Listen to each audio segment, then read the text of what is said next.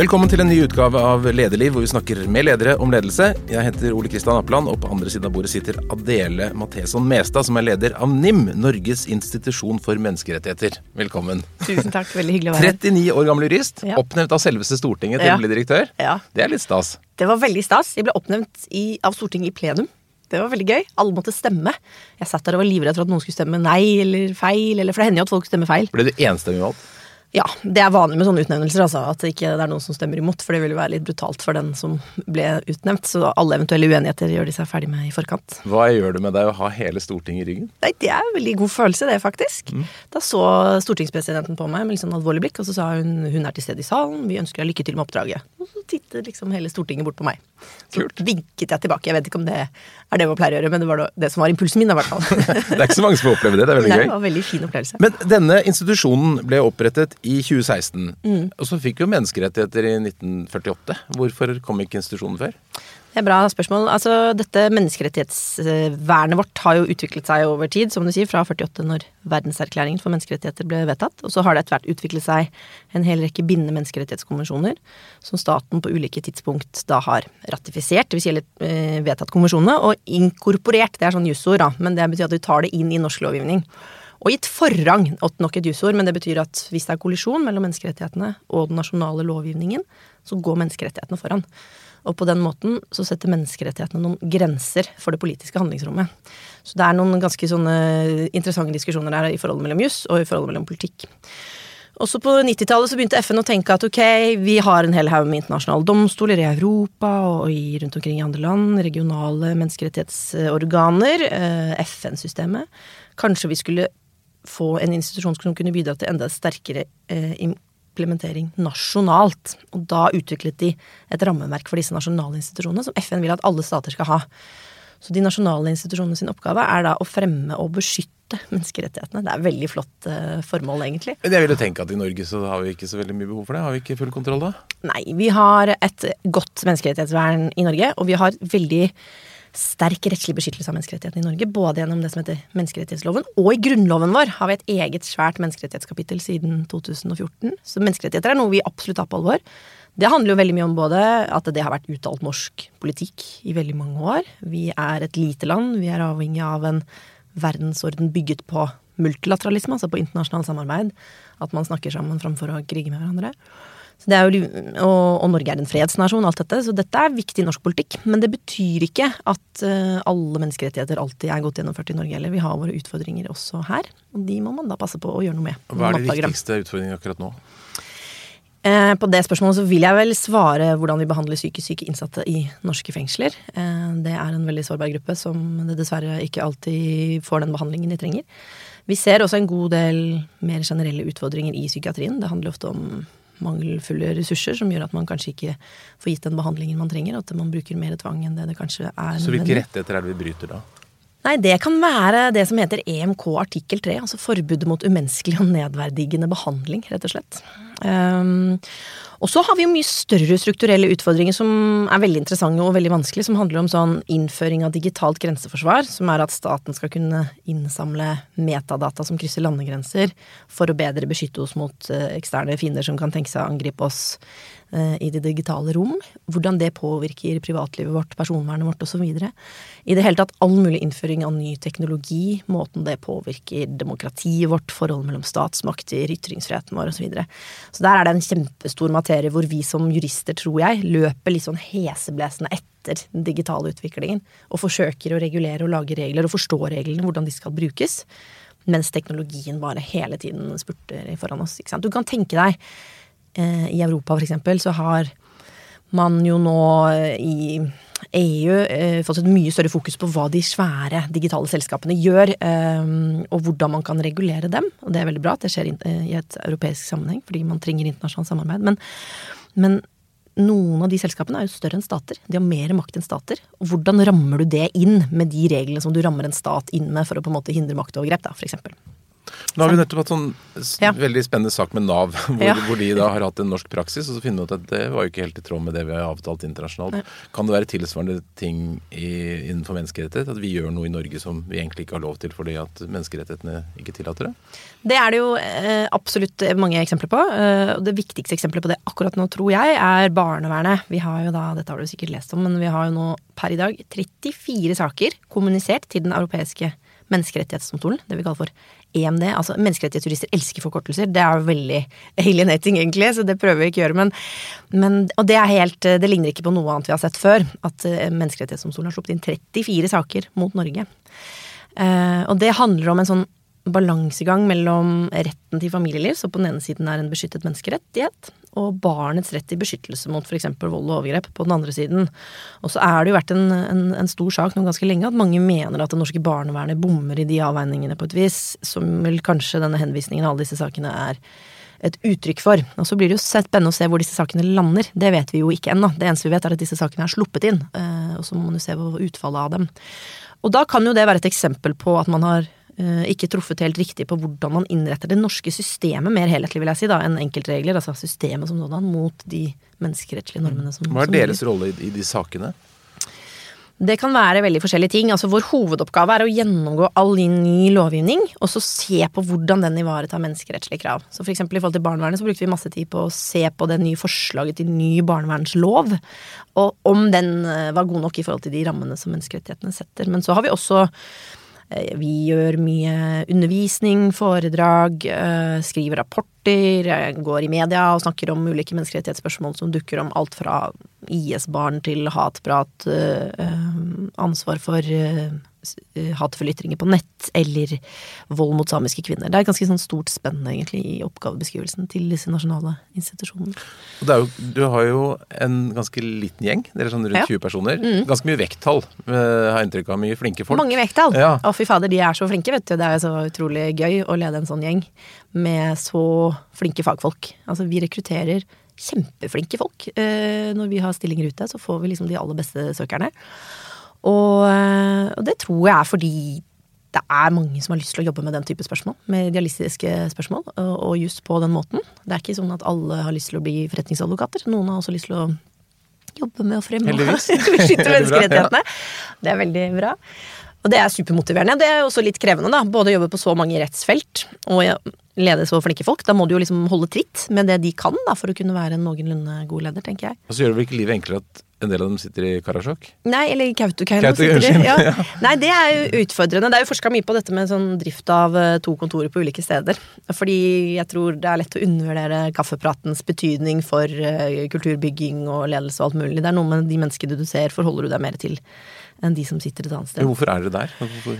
Nei, det var et lite sånn kompetansesenter, et veldig godt kompetansemiljø for urfolksspørsmål, som het Galdo før, som satt der, et lite kontor med fem personer. Og så når vi ble oppretta, så ble det besluttet å integrere det under vårt kontor, fordi man mente at det var viktig at den nasjonale institusjonen også jobba godt med urfolksspørsmål. Og det er jo veldig interessant, fordi det er ganske mange litt sånn krevende spørsmål som dukker opp på det området til enhver tid. Og det er nyttig å ha den kontakten inn i det lokale samiske samfunnet der.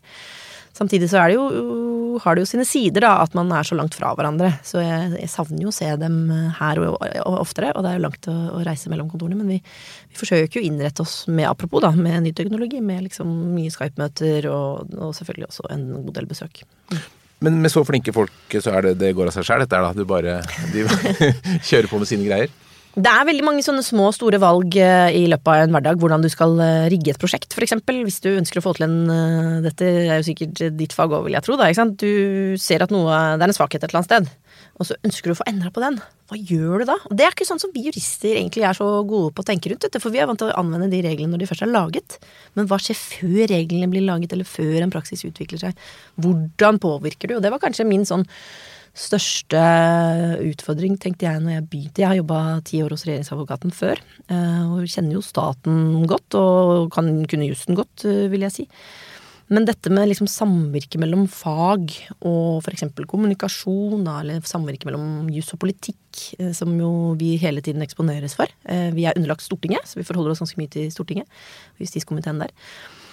Men, eh, men, det er interessant, ikke sant. Og da er det jo noen som har sånne forståelser av eh, hva skal man si, måter å påvirke på som handler veldig mye om kommunikasjon. Altså at hvis du får satt en sak på dagsorden, og politikerne leser om det i avisen, så er det mer sannsynlig at de vil lytte til deg når du kommer med rådet ditt. Det er jo én måte å se det på. Eh, jeg kom jo fra en forståelse som sikkert var veldig naiv, om at fag flytta verden, ikke sant. Det gjør det jo ikke alltid. Noen ganger gjør det det, men ikke alltid. Så det handler om å vite når man må gjøre hva. Eh, og vi skal jo både være vaktbikkje på den ene side, og så skal vi være rådgiver på den andre side. Og Det er en litt sånn krevende balansegang. Og det er jo på en måte det vanskeligste med liksom, tipper jeg både EU-retten og MK, menneskerettighetsjussen, at den er komplisert, på en måte. Altså den, eh, veldig mye norske regler er jo sånn det står i loven hvis A så B så C, mens menneskerettighetsjussen er jo utvikla over tid mot mange ulike stater, veldig ulike saksfelt. Så du må for eksempel for å finne ut hva er rettsregelen her, så må du se på en sak mot Ungarn, og så må du se hvordan anvendte EMK, EMD den jussen der, ja, hva er forskjellen på de to sakene, hvordan vil det virke inn i norsk rett, hvor loven er litt annerledes, vil den terskelen da være den samme, altså det er sånne typer vurderinger. Som er superinteressante, mm.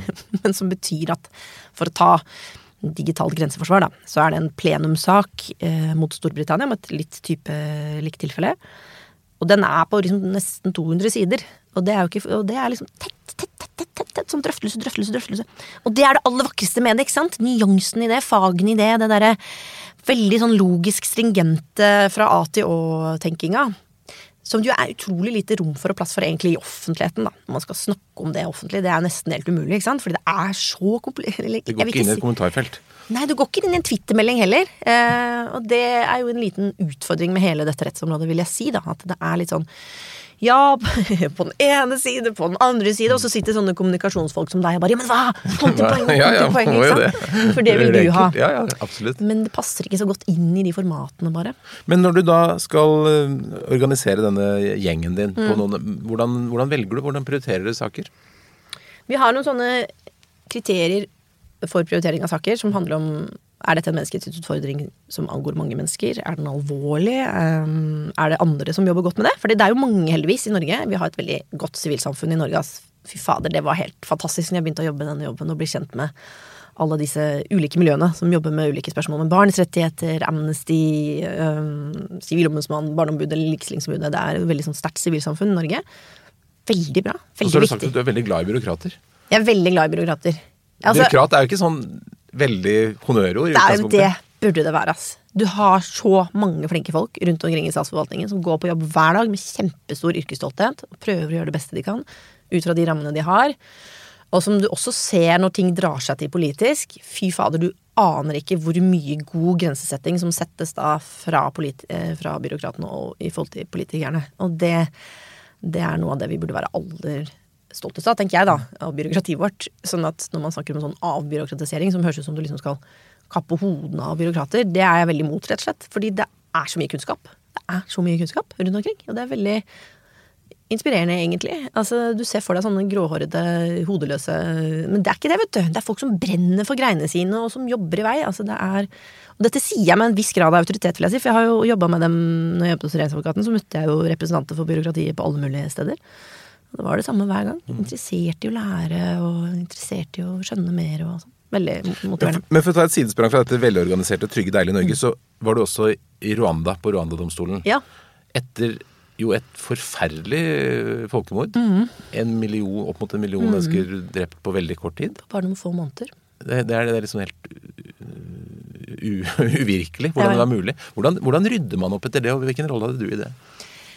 Nei, og det var jo noe av det sånn hva skal man si Jeg tror det er noe av det som kanskje har preget meg aller mest. Fordi det um, Både fordi, som du sa, selve den faktiske situasjonen som du forholdt deg til hver dag, det som hadde skjedd, var så grusomt og utenfor enhver fatteevne, egentlig. Altså, du sitter jo hele tiden og tenker men, men bor dette i oss mennesker? Altså, kunne dette skjedd her? Kunne, kunne kan, For dette var to det er hutuer og, og tutsier mm. som ja, hutuene nesten ja. utrydda ja. tutsiene. Da mm. tutsiene hadde på en måte vært en sånn slags det er jo ikke eh, en sånn slags overklasse.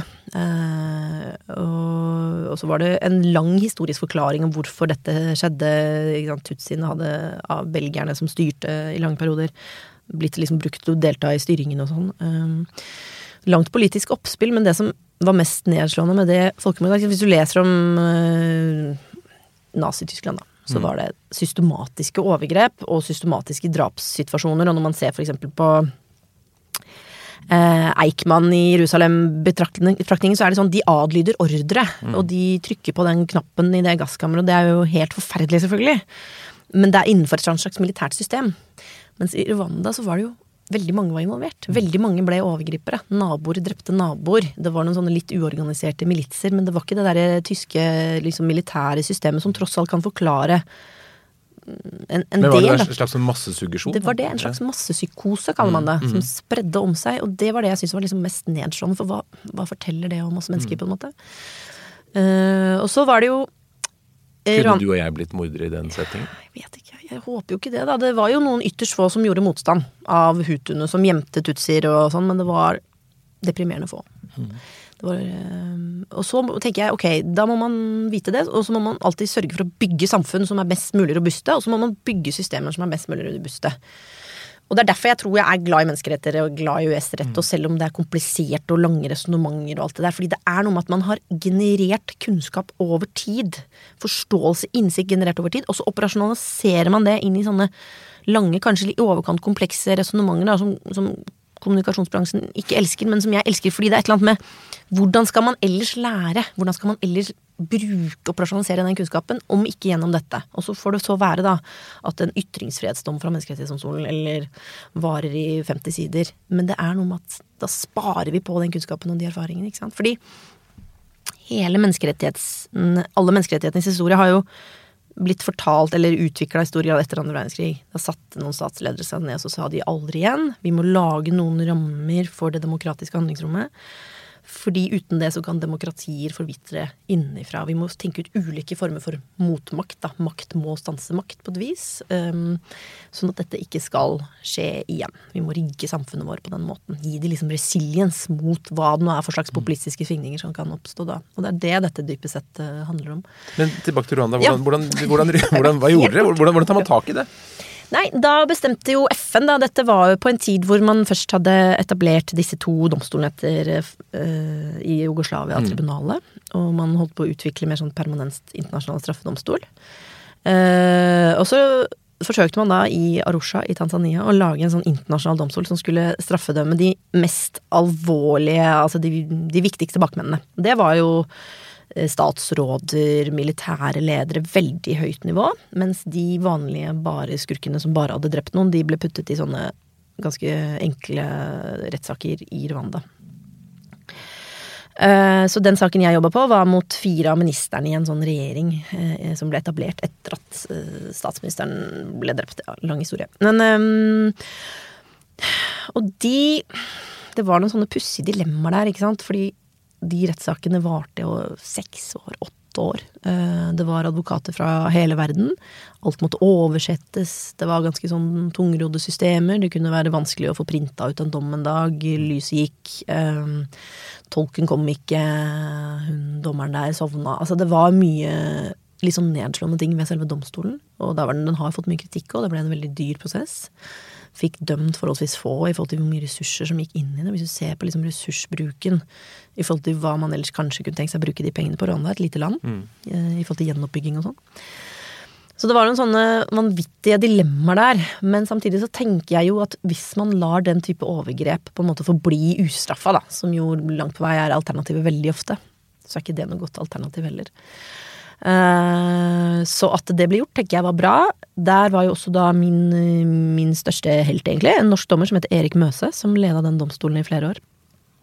Og han, eh, første dag jeg sa han, så var jeg litt frustrert over at det var et eller annet som ikke virka. Så sa han bare sånn Nei, nei, du må bare tenke på oppgavene, og du må bare fokusere på liksom resonnementene, fokusere på jussen, og han jobba, jobba, jobba, jobba, jobba i årevis. Han burde jo få en egen pris, egentlig, eh, for den måten å tilnærme seg, bare liksom tenke på hvor viktig det er, eh, på tross av dette store byråkratiske maskineriet som, som det ble. Men er opplevelsen der nede at dette ble ryddet opp i på en rettferdig måte? Eh, Det er noen kjempestore utfordringer i samfunnet Rwanda fortsatt. Det ble jo liksom lagt litt lokk på i, i, i samfunnet ellers. Um, Fordi spenningene fortsatt er veldig veldig store. De samme som de var før folkemordet, egentlig. Og da er det jo mange som mener at han som er president, som heter Paul Kagame, har vært altfor autoritær da, i sin eh, tilnærming til det etter folkemordet. Jeg tror de på en måte prøver å vente på at tiden skal ta dem vekk fra det. At man skal få nye generasjoner som ikke har opplevd det på kroppen. For du kan tenke deg nå når du reiser rundt i Rwanda, så møter du jo bare på folk som enten har vært offer eller overgriper, eller har fått hele familien sin drept, eller vært selv i fengsel. Altså det er helt vanvittig, liksom. Mm. Fordi det var så stor andel av befolkningen som var involvert i det folkemordet. Er de litt sjokkert over det selv? Helt. Altså, vi bodde hos en uh, dame som hadde et lite nylig hotell. Det er et ekstremt vakkert land. Det er kanskje det vakreste landet i verden, vil jeg si. Og veldig lite. Um, du kan liksom kjøre på tvers av hele landet på en dag. Og hun var tilfeldigvis på ferie den dagen folkemordet begynte. Da kom alle naboene til hotellet hennes med machetter for å drepe henne, men hun var ikke der. Og så flytter hun tilbake etter folkemordet. Da bor jo de samme naboene der fortsatt. Så når hun møter dem på butikken, så gjør de fortsatt sånn tegn, da. Kutte, mm. kutte halsen-tegn til mm. henne. Sånn Synd vi ikke fikk tatt deg, liksom. Mm. Og sånne situasjoner er det hele tiden. Jeg møter deg på butikken. Du drepte jo sønnen min mm. går, uh, for ti år siden. Hvordan i alle dager skal mennesker heles fra noe sånt? Det, det har de jo ikke sånn, sånn, veldig god svar på. Og da har liksom det politiske svaret vært veldig sånn autoritært, da. Vi, mm. mm vi strammer inn på liksom hva man kan snakke om og ikke snakke om osv.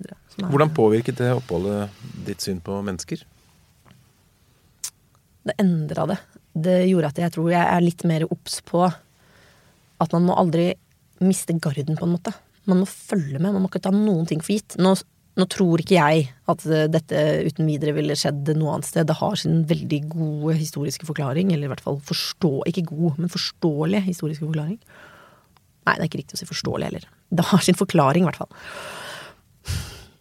Men, eh, men, det er veldig mange ting man ikke bør ta for gitt, mm. som fungerer i et samfunn. Uh, og, og, som man må bruke tid og ressurser på. Det handler om opplæring av barn i menneskerettighetsforståelse, hvorfor demokrati er viktig. Uh, hvordan man skal lage gode kontrollsystemer. Dette jeg snakket om i stad, liksom makt og motbakt, uh, klag, klageordninger Alle disse litt kanskje byråkratiske ordene. da, Konstitusjonalisme, domstoler, rettsstat. Alt det der som sikkert høres litt tørt og kjedelig ut, men det er så viktig. Fordi det er den eneste myke motmakten vi har. Alternativet er at folk tyr til våpen, ikke sant. Vi har ikke noe annet enn det. Vi har liksom eh, erfart tankekraft om innretting av systemer som, som har vist seg å virke, da. Og det må vi bare passe utrolig godt på. Og selv om da tiden har Tilbake til det med andre verdenskrig, da, som liksom var et startskuddet for, for hele menneskerettighetsbevegelsen, vil jeg si. Det begynner å bli lenge siden. Vi må passe på å ikke glemme det. Ikke sant? Eh, når Jens Stoltenberg av og til sier at Europa var Midtøsten før. Det glemmer vi veldig fort også. Det er ikke gitt. Uh, og jeg mener ikke å spre sånn skremselsbilder heller, men at, vi, at, at, det er godt samarbeid mellom de ulike landene i Europa, f.eks. Det er ikke noe gitt. Det har ikke vært sånn opp gjennom historien. Det er ganske nytt. Mm. Mm. Du har sagt at du begynte med juss for dette var det samfunnsfaget som lignet mest på matte. Ja. Det er et morsomt sitat. Men det er veldig sant. Begynte å studere statsvitenskap og og psykologi og sånn, og da var det sånn Oi, kult, her er det en kjempebra teori om et eller annet. Det var gøy. Og så kommer det sånn Ja ja, og så er det en annen teori, og sånn og sånn. Og så, det var jo alltid morsomt, men jeg likte veldig godt det derre uh, Juss har jo en metode, juridisk metode, den er veldig vakker. Da begynner du liksom med å forstå en rettsregel. Hva er innholdet i denne rettsregelen? Da leser du ordlyden i lovteksten, og så har du en sånn sett med kilder, rettskilder, som du bruker for å forstå hva den ordlyden betyr i et enkelt tilfelle. Og så tar du den rettsregelen, og så bruker du det på et faktum. Og så har du bevisregler som er sånn Hvordan kan du vite at det er det som faktisk har skjedd? Nei, i sivile saker så må du ha alminnelig sannsynlighetsovervekt. I straffesaker må det være hevet over enhver rimelig tvil. Nå sier jeg masse sånne kjedelige uttrykk, men jeg, jeg, elsker dette, da. Og så får du et tolkningsresultat. Eh, eh, og så Det er en sånn veldig stringent metode. En måte å forstå verden på, operasjonalisere verden på. For hvis ikke så er det jo, hvis vi skal være helt ærlig, veldig mye rot når folk diskuterer sånn, sånn Han diskuterer det, hun diskuterer det. Eh, nå går han etter eh, spilleren og ikke etter ballen. Ikke sant? Masse sånn eh, som gjør at diskusjonene blir rotete. Når du hører to flinke jurister diskutere, det er helt nydelig. ikke sant? Det er musikk. De er helt enige om hva de er uenige om. De er helt enige om spillereglene for hvordan de skal diskutere det spørsmålet. Og så er de bare litt uenige om liksom vekting og veiing og sånn. Og så kommer det til slutt, da, i beste tilfelle, da, en god dommer i Høyesterett f.eks. De er det heldigvis veldig mange av Og så avgjør det spørsmålet innenfor spilleregler som er sånn mye tydeligere enn fotballreglene. ikke sant? Alle er enige om hva offside er. Eller ikke alltid, men ganske ofte. Og så er de kjempeuenige, der de skranken. Og så er de kjempevenner etterpå. Så er de kjempegode på å skille mellom sak og person. Men det, det, er jobben deres å på en måte være saklig uenige, da. Og det er det jo også altfor lite av ellers. Folk går jo etter spilleren og ikke etter ballen hele tiden. Det gjør ikke gode jurister. Det er veldig vakkert. Så jeg, for eksempel, eh, med mine kollegaer av og til, um, jobber sammen med Anini Kierulf. Uh, vi kan jo være dundrende uenige ofte. Vi er veldig vant til det at det å være saklig uenig er en bra ting. Så det blir vi glad av. Og så er vi verdens beste venner. Og det tenker jeg det er veldig bra for et uh, generelt sett, da. Mm. Den mm, evnen til å være saklig dundrende uenige og verdens beste venner også, eller respektere hverandre kollegialt, som man gjør i en domstol. Det, mm, det, er en av de fineste tingene. Tror du mange andre arbeidsplasser hadde hatt glede av å lære av tilsvarende forhold? Jeg tror det. For jeg tror at hvis man tenker nå, at hvis noen er mot noe du sier, da Si at jeg er uenig med deg i noe du sier, og du tenker å, nå er hun imot meg. Det er skummelt, ikke sant? Det skaper jo en konflikt av noe som er faglig. Mens hvis din magerefluks er å tenke å, hun er bare uenig med meg, det har ikke noe med meg å gjøre, så vil jo det være veldig konfliktdempende på enhver arbeidsplass å skille mellom sak og person. Det jo, høres jo veldig banalt ut, men det er veldig vanskelig. Og Fordelen med juristene da, er jo det at de er så innmari trent i det. Mm. Mm. Men for utenforstående, hvis man kommer i en situasjon hvor man får brev fra en advokat f.eks., mm. så føler man sjelden at det er spesielt konfliktdempende? Ja, absolutt. Det er jeg også helt enig i. Det er jeg helt enig i. Så alle, når folk kommer til meg og har en eller annen konflikt på gang, så er jo mitt beste råd til dem å bare hent for guds skyld ikke inn en advokat, for det blir veldig dyrt for deg, og det er veldig sjelden verdt det. Sånn som sant, å være i en rettssak i Norge, f.eks. Det er jo utrolig dyrt, dessverre. Så, så, sånn, så det, er, det jeg snakket om i stad, var kanskje litt mer den akademiske siden mm. ved det, men, eh, men, jeg jobber også veldig mye med Eh, megling uh, og konfliktløsning. Uh, og har Jeg har oppnevnt megler hos det som heter Riksmegleren. da Jeg jobba lenge sammen med en av mine andre storhelter, som het Nils Dalseide, som var riksmeglingsmann før.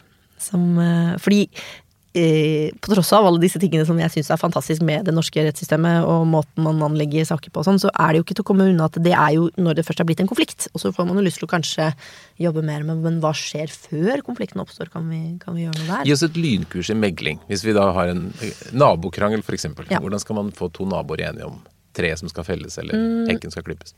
Jeg tror det man ser eh, både i konflikter eh, som man møter som megler, og egentlig helt generelt i offentligheten, er at det første budet er du må være enig om spilleregler for hvordan du løser konflikten. Ikke sant? Fordi du er ikke enig Vi skiller nok et fint skille som vi jurister driver med. Skiller mellom materiell og materielle. Det er liksom innholdet i en konflikt. Det prosessuelle er måten du løser konflikten på. Det er to forskjellige ting. Det prosessuelle, altså fremgangsmåten, den kan man fint enes om, selv om man er uenig i det innholdsmessige. Mm. Så man må starte med å bli enig om hvordan man skal løse konflikten. Ja. Mm. Så med Nils, da, når jeg var med han i meglinger, eh, så han er jo det mest var Døde, dessverre, det er jeg fortsatt utrolig lei meg for, men uh, han er det mest konfliktdempende mennesket jeg har møtt noensinne. Men da satt han der, da, så sa han sånn ja ja, vi må jo først begynne å snakke om når vi skal spise lunsj. Det gjør vi sånn og sånn. Og så må vi være enige om hvem det er som skal snakke sammen. Da kommer dere fra det teamet og det fra de teamet. Og så visste han veldig ofte sånn de to kan du ikke ha i samme rom. Så da kan foreslå jeg det, og så har vi et engere utvalg som består av sånn og sånn. Og så må dere sitte der, og så må dere vite at kaffemaskinen er der, og sånn. Mm. snakket han mye om det. Mm. Og så fikk han det inn i et rom. Mm. Og så er bud nummer to, det er det med lytting i megling. Det tror jeg kanskje er det aller viktigste. Det gjelder nesten alle Det gjelder nesten alltid, tror jeg, her i verden. Men og det er noe jeg selv strever med, for jeg prater jo altfor mye, som du hører. men, men eh, veldig ofte så oppstår konflikter fordi mennesker misforstår hverandre. Det tror jeg virkelig. Du sier noe, jeg tolker det ut fra mitt perspektiv og mitt ståsted, mine erfaringer. Jeg hører noe annet og så utløser det en konflikt. Så da må man drive med sånn aktiv lytting. Parafrasing kaller man det gjerne. Man sier sånn 'Jeg hører at du sier sånn og sånn'. 'Jeg forstår det sånn og sånn'. Er det riktig forstått? Bare i den ene lille operasjonen så avdekker man veldig ofte Uh, nei, det var ikke det jeg sa. Ja, men det var det jeg trodde du sa. Å ja, men da er vi kanskje ikke så uenige likevel. Og så rydder man og rydder man i den derre lagen, løken, liksom. Og så finner man ut at dette vi er uenige om. Ok, fint. Og så må man få rydda opp i på en måte parameterne, da. Det faktiske. Hvem er, er vi enige om liksom utregningene her? Effekten av disse ulike synspunktene økonomisk, eksempel? Ofte er man uenig der òg, men det kan man også veldig ofte enes om. Så det er ganske mange lag rundt selve konflikten du kan få ryddet unna. Og når du har gjort det, så sitter du igjen med en ganske sånn spisset problemstilling, stort sett. Og da er det ofte ikke så lang vei til en, fram til en løsning heller. Jeg vil si at uh, Nils pleide alltid å si at uh, han hadde veldig Det var sjelden streik når han megla. Ikke det at jeg tror ikke det nødvendigvis er meglerens skyld, altså, men han, øh, han sa 'Jeg har ennå til gode å se en uløselig konflikt'. Det tror jeg er helt sant, altså. Mm. Det er alltid mulig. Og også alltid minne folk om hva alternativene til å finne en løsning er, da. Akkurat når det gjelder sånn tariffmegling, så er jo det stort sett mm. streik. Mm. Det er jo alle parter taper alle på, og tredjepart taper på det. Men ellers i livet også så er det nok mange som liksom legger veldig mye sånn identitet og følelser og sånn inn, inn, i en konflikt. ikke sant? Nå skal jeg sette ned foten, og dette er viktig for meg, og det er prinsipielt og sånn. Ja, er det det egentlig? Mm. Ikke sant? Er det viktig nok? Eh, liksom For ryddet opp i det følelsene du har knytta til det. Veldig ofte så handler det De drivkraftene i de følelsene er to ting. Det ene er Dette er urettferdig. Jeg syns det er urettferdig. Uh, og det andre er litt sånn um, jeg, jeg, jeg, blir ikke lytta til deg, på en måte. Uh, det er ingen som hører på meg. Altså, det er veldig sånn sterke drivkrafter i konflikt, da, så man må prøve å adressere de på ulike måter. Jeg hører hva du sier, jeg forstår hva du mener. Altså, den type ting. Det er tenker, tenker du at det å, å megle og kunne håndtere konflikter er en viktig del av lederrollen? Ja, det tenker jeg. Eh, det tenker jeg absolutt. Um, det ene handler jo om å liksom fange opp signaler på mm, uro i organisasjonen. Nå er det noen som er misfornøyd, hva er det de er misfornøyde med? Mm, eh, og det andre som kanskje er det aller viktigste, som jeg ikke er sikker på om jeg får til, altså, men som jeg prøver å få til, i hvert fall, er å si at man trenger ikke å være så redd for konflikt, men man må være redd for konflikter eller uro sånn som man ikke veit om. Alt som ligger på bordet, er ufarlig. Og det mener jeg helt bestemt, da, apropos det jeg sa i stad om at det finnes ikke uløselige mm. konflikter. Mm. Det som er farlig, er når du ikke vet om det.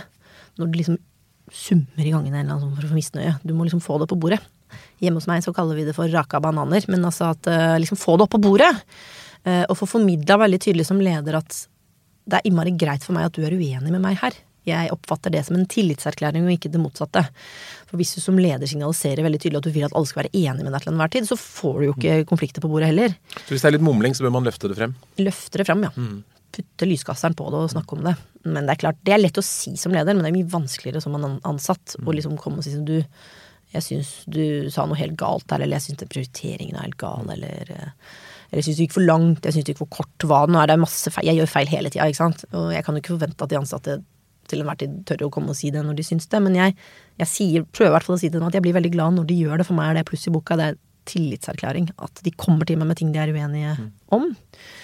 Uh, og igjen, da, det er jo ofte mange av de der tingene bygger kanskje på misforståelser. Da får man en anledning til å, til å av, avklare det. Mm. Men da du fikk den oppnevningen og da vinket til stortingsrepresentanten, ja. hadde du noe da tanker om hvordan du ville være som leder? Har du noe sånn, sånn vil jeg være som leder? Det er morsomt, for jeg tror ikke egentlig at jeg hadde sånn veldig lyst til å være leder, sånn i utgangspunktet. Jeg er jo et fagmenn, det har du sikkert skjønt allerede. veldig glad i faget, veldig, veldig glad i faget mitt. Jeg tenker at jeg er så heldig som har et så gøy fag. Um, men sånn er, jeg, er, det jo ofte i særlig offentlig sektor, mm. man, eller mange steder, at mm. man er, er veldig veldig god i fag. Til slutt så sitter man som sjef. Ja. Men jeg er veldig heldig, for jeg er også veldig glad i folk. Ja, Men hadde du noen tanker? Sånn leder vil jeg være. Ja, jeg tenkte at jeg ville, jeg ville ikke være en selvhøytidelig leder. Jeg hater selvhøytidelige ledere. Uh, og så ville jeg være en leder som var sterk i fag. Jeg har bare hatt det selv hos regjeringsadvokaten og riksmegleren. Det har alltid vært veldig inspirerende for meg. Jeg tenker at eh, fagfolk fort lar seg inspirere, at fagfolk er flinke. Altså faglige ledere som også, mm. ja. Uh, og så uh, hadde jeg lyst til å være en leder som de følte seg trygge på. Det er jo forska ganske mye på at dette med psykologisk trygghet i en hvilken som helst bransje er den viktigste faktoren. eller en av de aller viktigste faktoren. Fordi det motsatte, altså når det ikke er psykologisk trygghet i en virksomhet, så vil ikke folk, apropos det, da, tørre å komme med ting. Mm. Um, så det var vel kanskje de tingene jeg var mest sånn opptatt av. Så syns jeg det, det er vanskelig når du må bytte rollehatt det syns jeg var vanskelig når jeg ble advokat òg, faktisk. Da gikk jeg jo fra å være en sånn uh, søt og glad uh, juriststudent, jusstudent, til at jeg plutselig skulle være en sånn advokat, liksom. Tok på meg blazeren og, og, sånn. Første gang jeg var i retten, så fikk jeg beskjed av dommeren om at uh, trenger kanskje ikke være så streng. Altså, skjønner du? For jeg tenkte jeg skulle overkompensere for at jeg var ung og fersk. Mm. Og sånn tror jeg jeg følte litt som leder også, at jeg det er jo en sirkel, ikke sant. Det ene er sirkelen som er deg som menneske, og så er det den sirkelen som er deg som profesjonell. Og så er spørsmålet hvor stor overlapp vil du at det skal være mellom de to tingene? Hvor forskjellig skal rollen din være fra det mennesket du er?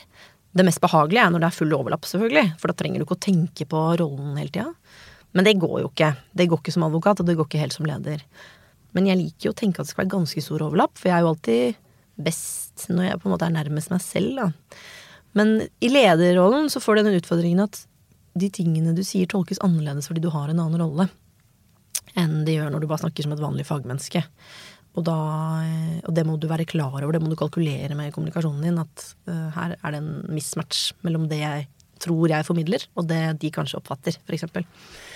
Så det tenker jeg en god del, uh, god del på. Tror du ledere bryter menneskerettighetene? Er det noen rettigheter vi krenker som, hvis man tar ledere som grupper? Er det noen ting vi burde være bevisst på i behandlingen av medarbeiderne våre? Mm, ja. Jeg tenker at mange ledere sender altfor mange signaler eh, som kanskje utfordrer dette med offentlig ansattes ytringsfrihet, f.eks. Offentlig ansatte har jo, bevisst eller ubevisst, altså, har jo ytringsfrihet som alle andre. Offentligheten vår er veldig avhengig av at flinke fagfolk, om de jobber i UNE eller om de jobber i Nav, ytrer seg offentlig.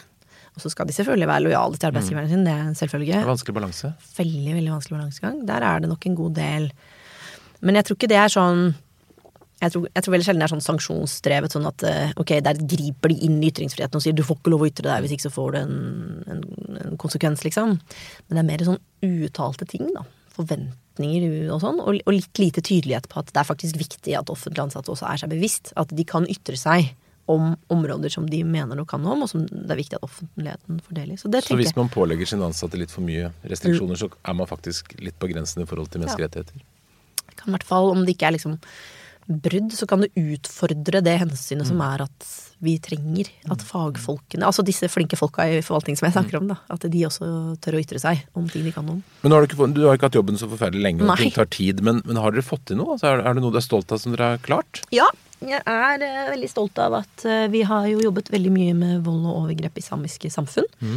Én mm. av to samiske kvinner uh, sier at de blir utsatt for vold. Mm. Det er et veldig høyt tall. Det er mye høyere tall enn ellers. Nå har regjeringa, og da har vi anbefalt dem lenge at nå må regjeringa lage en handlingsplan mot vold i nære relasjoner og fokusere på det samiske sidene. Det gjør de nå. Det er jeg veldig glad for. Dette har jo vært en sånn veldig taushetsbelagt ting. Eh, noe som det har vært vanskelig å snakke om. Og vi var der oppe når vi drøftet årsmeldingen vår i fjor, og da kom liksom den ene politikeren etter den andre på talerstolen og sa dette er et historisk øyeblikk, endelig så går vi vekk fra denne tausheten. Og det tror jeg gjelder mange, eller det kan tenkes gjelder andre miljøer i Norge også. At man må ha mye mer målretta tiltak som treffer ulike grupper, mm. eh, rett og slett. Så det er en sånn så hva er sånn neste store kampen du skal vinne, da? Nei um, nå, um, nå er det um, dette som vi snakket om i stad, med, med, disse psykisk syke innsatte, det er jo en sånn Mener at det er et stort reformbehov, rett og slett, um, i, i, fengselsomsorgen. Mm. Uh, så er vi veldig opptatt av uh, dette digitale grenseforsvaret, som jeg snakket om i stad. At, man, uh, at den diskusjonen blir god, sånn at man får vedtatt et regelverk som godt ivaretar de vanskelige avveiningene som det krever.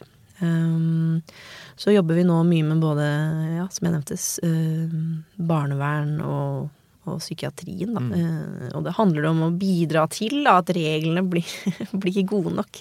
Sånn at Høres ikke ut som du blir arbeidsledig på en stund. Kommer ikke til å bli arbeidsledig, heldigvis. heldigvis det er alltid noe som må rettes på. Alltid noe som må rettes på. Hvis det kommer en ung person til deg og sier mm. 'jeg vil bli leder, jeg vil bli en mm. god leder', jeg vil bli sånn som deg, ja mm. dere. Hva er de tre beste lederrådene du kan gi? Mm. Nå kommer det til å høres ut som jeg lever litt sånn i kardemommeby, altså, men dette jeg, mener jeg veldig sterkt. Du må være veldig snill. Jeg tenker at det er en egenskap man snakker litt for lite om i forhold til ledere. Det er veldig viktig at ledere er snille. Slemme ledere er det en god del av. Altså, Man vet jo det, det er folk med, som scorer høyt på psykopati og sånn. Det er veldig viktig at ledere er snille. Så må du være glad i folk, oppriktig glad i folk. Du må lure på hvordan du har det. Du må prøve å forstå dem, og du må tilpasse måten du leder på til de menneskene de er. Mennesker er forskjellige. På seg selv kjenner man ingen andre. Det er liksom en av de viktigste innsiktene jeg har lært de siste åra. Det jeg trenger å bli glad av eller motivert av, kan være noe helt annet enn den personen trenger å bli glad og motivert av. jeg er jo en litt sånn ekstrovert gærning som snakker og tenker høyt. Noen uh, må gå tilbake på kontoret sitt og tenke seg om. Da må du la dem gjøre det. Altså, det er for å si noe veldig gråskift. Du må, og for å få til det, så må du være veldig interessert i mennesker. Du klarer ikke det hvis ikke du er sånn grublende på sånn Ok, det er interessant, ja. Hva er det med han som gjør at han nettopp Ja, ok, da skjønte jeg det. Da blir jeg det bedre neste gang. Det er kontinuerlig læring, ikke sant? for du får jo nye folk hele tida, så du må prøve å forstå dem. Um, og det tredje jeg har lyst til å si, er betydningen av godt humør. Altså, ikke Jeg skjønner at man skal være sånn uh, god på grensesetting og tydelighet og sånn, det er selvfølgelig viktig, men jeg tror Jeg snakket Jeg bare trakk en visdomstann i går, og snakka jeg med tannlegen min, så sa hun det du fokuserer på, får du mer av. Det var hennes beste ledelsestips. Det syns jeg var et veldig godt ledelsestips. Jeg har tenkt ganske mye på det siden. Det er jo bare ett døgn, da. Men, eh, men eh, jeg tror det at positiv forsterkning altså, ikke sant? Det ikke, ikke vær sånn neggete sånn 'å, den og den', men liksom 'dette gikk bra'. Altså, der var du også positiv forsterkning av det som er bra. Det du eh, Da Det bidrar til en sånn ja, generell motivasjon. Det var en veldig bra avslutning, jo, tenker jeg. Takk. Tusen takk for at du kom til Lederliv, Adele Mathesen Mestad. Tusen takk for at jeg fikk komme. Takk for at du hører på Lederliv, som er en podkast fra kommunikasjonsbyrået Apeland. Redaksjonen består av Ellen Paulsen, Lars Jarlemelum, Lars Volden og meg, Ole Kristian Apeland. Du finner alle utgavene på lederliv.no, eller der du ellers finner podkast. Og hvis du trykker på abonner på appen i telefonen din, så får du varsel når det kommer nye episoder.